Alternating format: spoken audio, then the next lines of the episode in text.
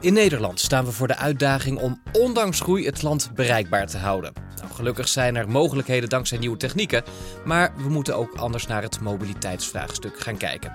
En dat doe ik met Jan-Bert Dijkstra. Nou, twee dingen zijn zeker vast. Het uh, groeit. Uh, we worden mobieler, er komen meer mensen. We groeien met een miljoen inwoners nog in dit land.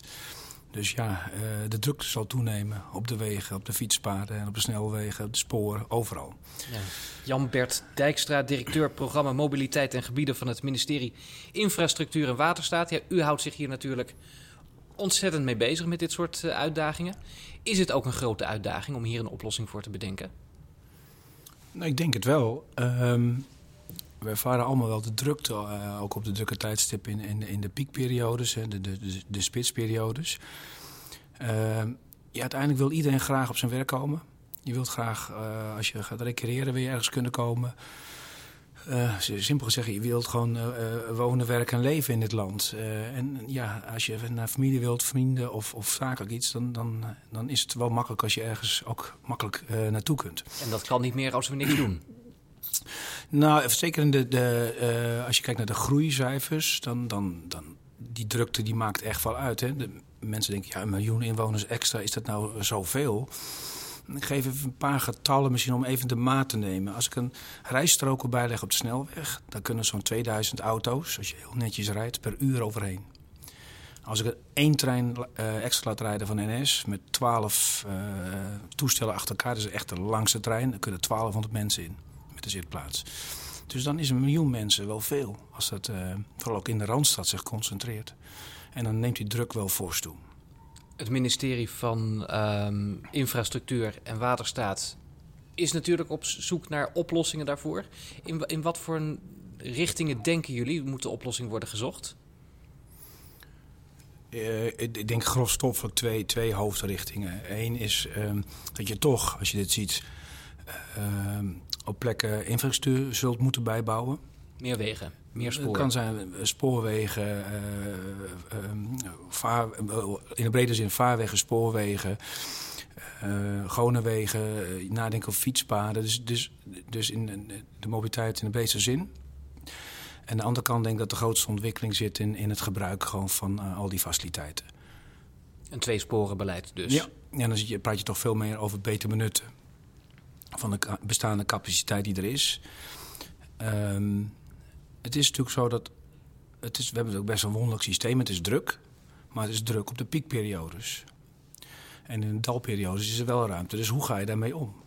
Ja, als alle scholen om acht uur beginnen, dan is het openbaar vervoer vol met studenten. Ja, hoe doen we dat met elkaar? Uh, en ga je op die piekbelasting uh, je systeem dimensioneren? Of ga je uh, ook met nou ja, vraag en aanbod proberen uh, meer te spelen. Ja, dus dat is het, het spreiden. Dus bijvoorbeeld ja. dat rekeningrijden, de spitsheffing, um, ook in de, het openbaar vervoertarief differentiaties maken. Het zit niet onmiddellijk in de prijs alleen al. Het, zit, het, het kan een primair gewoon in het gedrag zitten. We hebben een voorbeeld op de Maaslijn, waar dus een schoolinstelling heeft gekozen om toch anders in te roosteren. Een kwartier eerder, een kwartier later.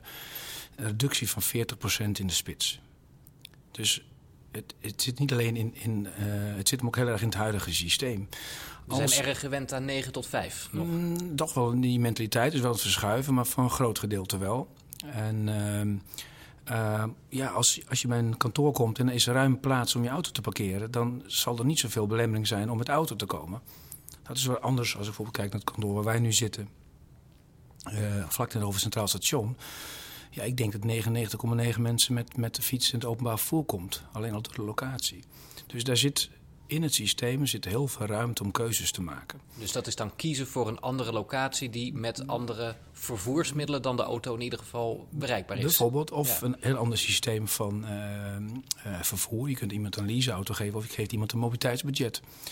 Waarbij je een keuze kunt maken tussen uh, kies ik een auto of kies ik een auto in combinatie met een een, een openbaar voermoment of kies ik toch meer voor de fiets um, in, in combinatie met een deelconcept. Dus er zijn meer variëteiten mogelijk en, en die variatie neemt toe. En er wordt ook meer en meer gebruik van gemaakt.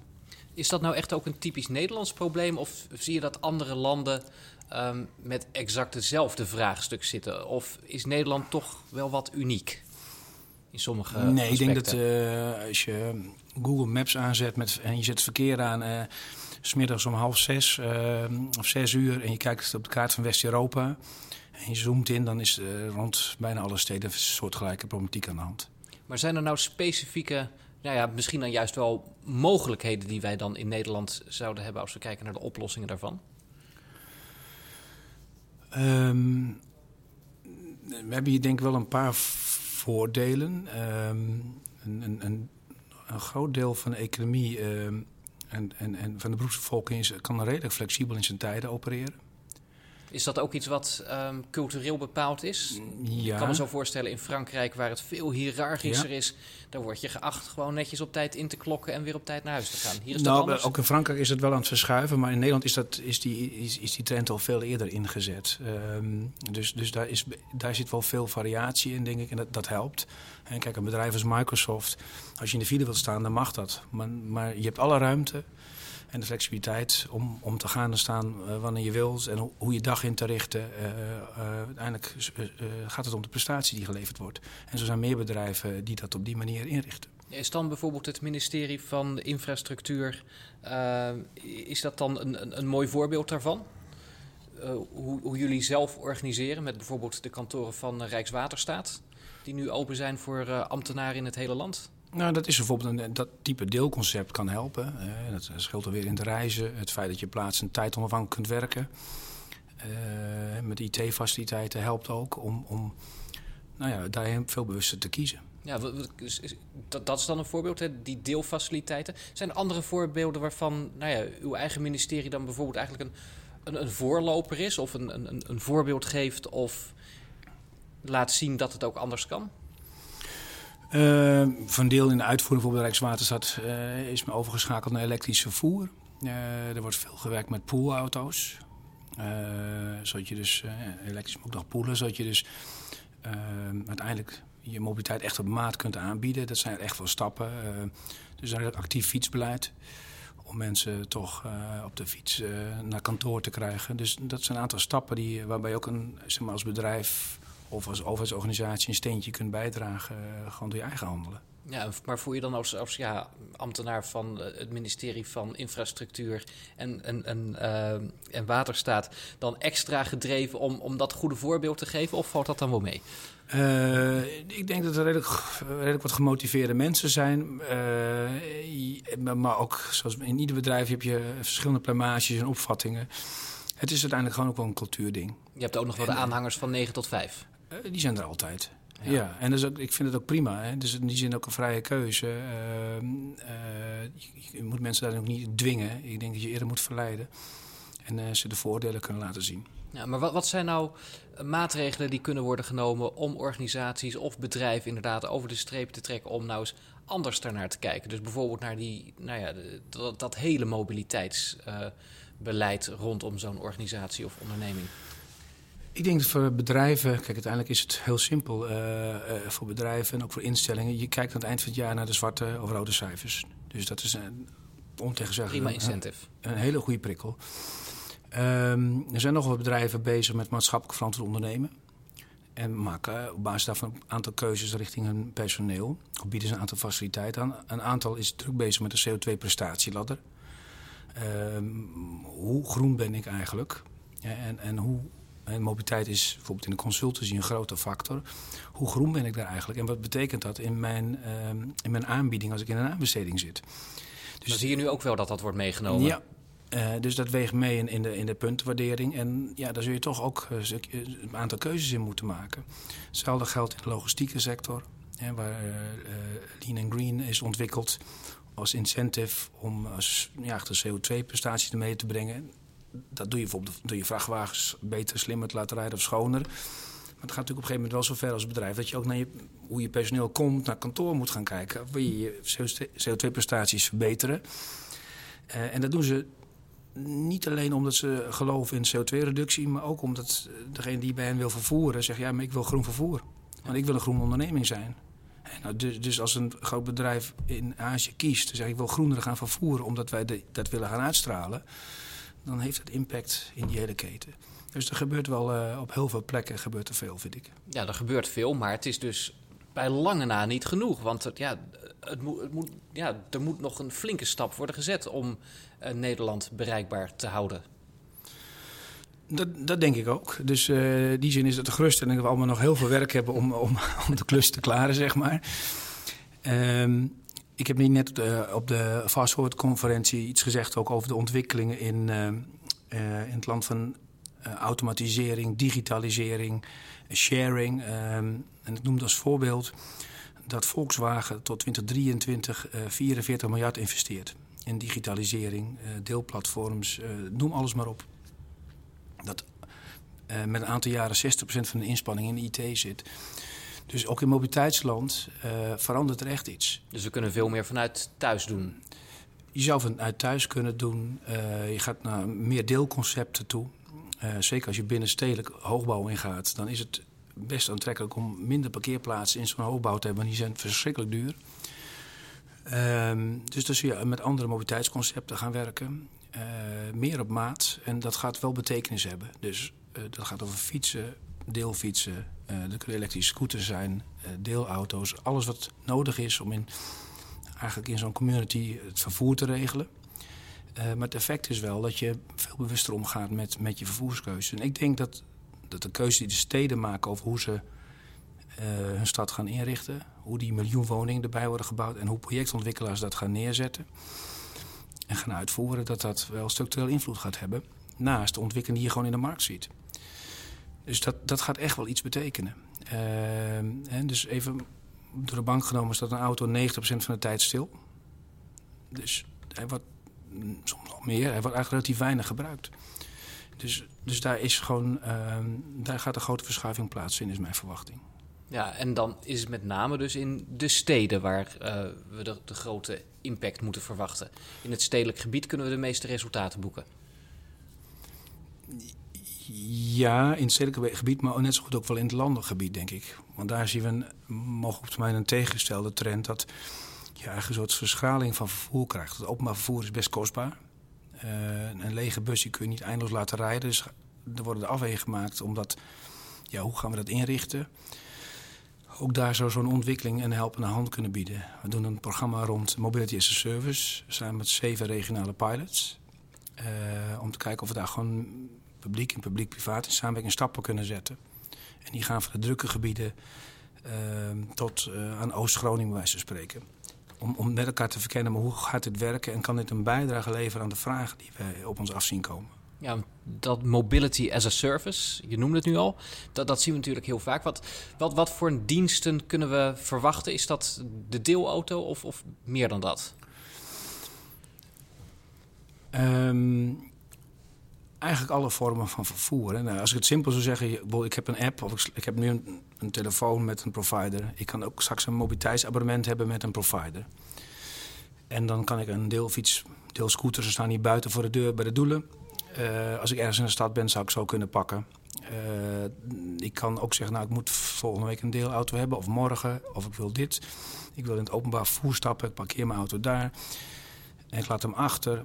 Uh, dus het, maar het, je verschuift van bezit naar gebruik van een dienst.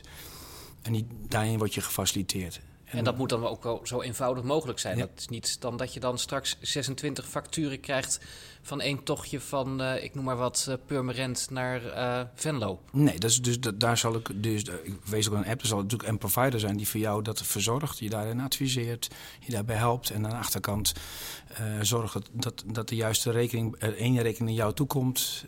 en, en met leveranciers, dat moet, dat moet die, die service provider gaan regelen. Maar kan, kan je zoiets overlaten aan de markt, zo'n service provider?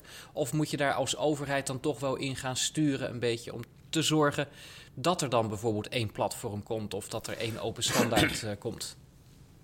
Wat we doen in het programma is uh, samen met de publieke partijen samenwerken op het vlak van standaardisatie, maar ook met de private partijen, want het is heel belangrijk dat je goede standaarden hebt met elkaar. Ook met elkaar het gesprek hebben over hoe ga ik om met data en data-eigenaarschap. Ja, je weet natuurlijk alles van me. Als ik straks op een uh, scootertje hier stap en op de trein daar en met daar, een deelauto daar rijd. Dus dat, dat, dat zou zo'n issue kunnen worden, maar wij gaan er heel bewust mee om, om, om gewoon aan alle regels te voldoen. en ik wil helemaal niet weten waar iedereen rijdt als overheid. En waar iedereen is. Dus dat is voor mij een belangrijk uitgangspunt. de privacyregels die gelden. Uh, en daarachter zit wel een, een, wat bredere discussie over um, uh, de hele marktordening. Hè, wat is het publieke deel, wat is het private deel en hoe, hoe grijpt het op elkaar in? Hoe kan ik daar wel of niet op sturen? Uh, ga ik bijvoorbeeld hier in de stad met concessies werken? zodat ik niet 30 aanbieders heb van deelfietsen, maar een gericht aantal, omdat ik het beheersbaar wil houden. Mm -hmm. en, en, nog wat fundamentele vraag is natuurlijk, ehm, welke publieke waarden streef ik na? Als je zegt, ik wil graag dat iedereen vrij de toegang toe heeft. Um, ik wil dat het voor een redelijke prijs is. Ik wil dat de privacy van de mensen beschermd wordt. Ja, dan zul je wel als overheid en overheden meervoud moeten gaan nadenken over uh, je rol. Uh, en de marktordening en hoe je daar wilt uh, ingrijpen. Ja, want als je inderdaad kijkt naar die betaalbaarheid bijvoorbeeld. Het laatste wat je natuurlijk wilt is dat je met zo'n ja, mobiliteitstotaalconcept het alleen maar beschikbaar maakt voor de happy few die dat kunnen betalen. Ja, dus dat, is, dat is natuurlijk absoluut een punt. Want we noemen het hier ook op het congres ook al even sociale inclusie. Hè? Dus de toegankelijkheid tot de arbeidsmarkt, eh, de toegang tot mobiliteit, ja, die is vreselijk belangrijk. Uh, want dat geeft mensen een mogelijkheid om, om ergens te gaan studeren, uh, om door te ontwikkelen of ergens een baan te accepteren. Die is echt belangrijk. Uh, dus maar wordt daar genoeg rekening mee gehouden bij, bij het uitdenken van dit soort nieuwe totaalconcepten? Ja, ja zit, er, zit er volledig in.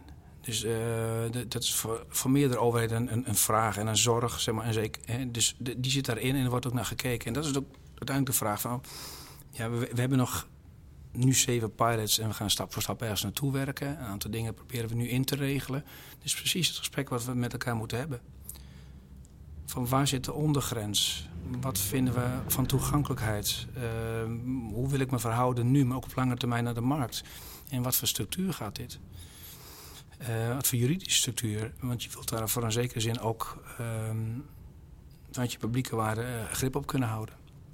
En ja, dat moet ook, want denk ik... marktwerking heeft ook wel uitgewezen dat dat um, de verkeerde kant een beetje op kan gaan als je alles maar overlaat aan marktpartijen. Marktwerking is fantastisch, want het is altijd efficiënt en, en het is vernieuwend. Uh, maar er zit inderdaad ook wat, wat mindere kant aan. En dat vraagt overheidsregulering. Ja, en, dat, en in, dat, in dat, samenspel uh, ja. zul je aan de slag moeten. En, en, en dat is ook dan ook de kracht, denk ik, van die publiek-private samenwerkingen die dan ja. uh, plaatsvinden op, op dit terrein. Ja, en dan kun je ook met elkaar het, uiteindelijk het gesprek proeven hoe het gebeurt. In dit gesprek hebben en dan ook je conclusies trekken. Als we nou eens kijken over tien jaar. Um, hoe, hoe ziet ons mobiliteitslandschap er dan uit? Waar, waar, hoe moet ik me dat voor gaan stellen? Nou, ik noemde net een, eh, in de presentatie een interessant voorbeeld uh, van een studie van McKinsey die uh, net verschenen is. Ze hadden het over het second great inflection point rond mobiliteit. Dus eigenlijk de grote verandering in, in, in de transitie. En de eerste die zij zagen mobiliteit van is de auto. Van, van de, paard en wagen eeuwenlang, zullen we zeggen, naar uh, echt de eerste verbrandingsmotorauto. En dan zie je een enorme toename in, in, in, in, in uh, enkele decennia. Uh, de tweede is de hele automatisering uh, rond vervoer. Dus auto's worden autonoom, maar voor boten geldt het net zo goed. Voor treinen wordt er over nagedacht, voor pots. Ze zijn connected met elkaar verbonden. Uh, ze zijn schoon, in de zin dat ze een schone aandrijflijn hebben. En ze worden gedeeld. Dus die vier trends die zie je heel dominant in alle investeringen die partijen op dit moment uh, wereldwijd aan het doen zijn. En gaat het ertoe leiden dat we uiteindelijk ons meer of minder gaan verplaatsen? Um, ja, dat is een mening wat over verdeeld. Um, we zullen dat zien. Uh, de ene zegt wel, de ander niet. Dat vind ik nog een beetje koffiedik kijken. Ik weet één ding wel. Uh, dit gaat gebeuren. Het gebeurt nu al. Ik noemde het voorbeeld van Volkswagen zo straks. Daar, daar zitten huge investeringen achter. Ik las vanochtend bericht dat Uber een concurrent heeft overgenomen Saudi-Arabië voor 3 miljard euro. Uber Freight start in Nederland. Uh, waarbij ze eigenlijk als dataplatform rond vracht gaan bemiddelen.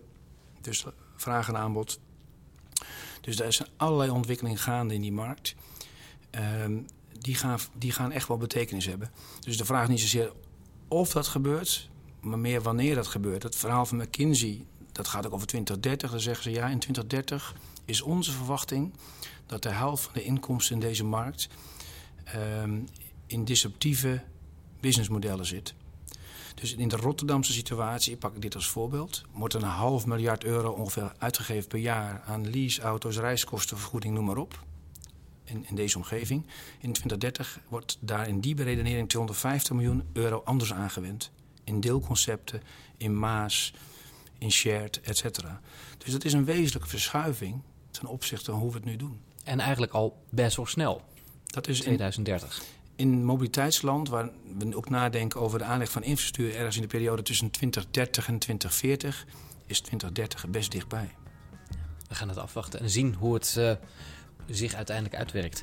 Jan-Bert Dijkstra, directeur programma Mobiliteit en Gebieden van het ministerie van Infrastructuur en Waterstaat. Uh, hartelijk dank.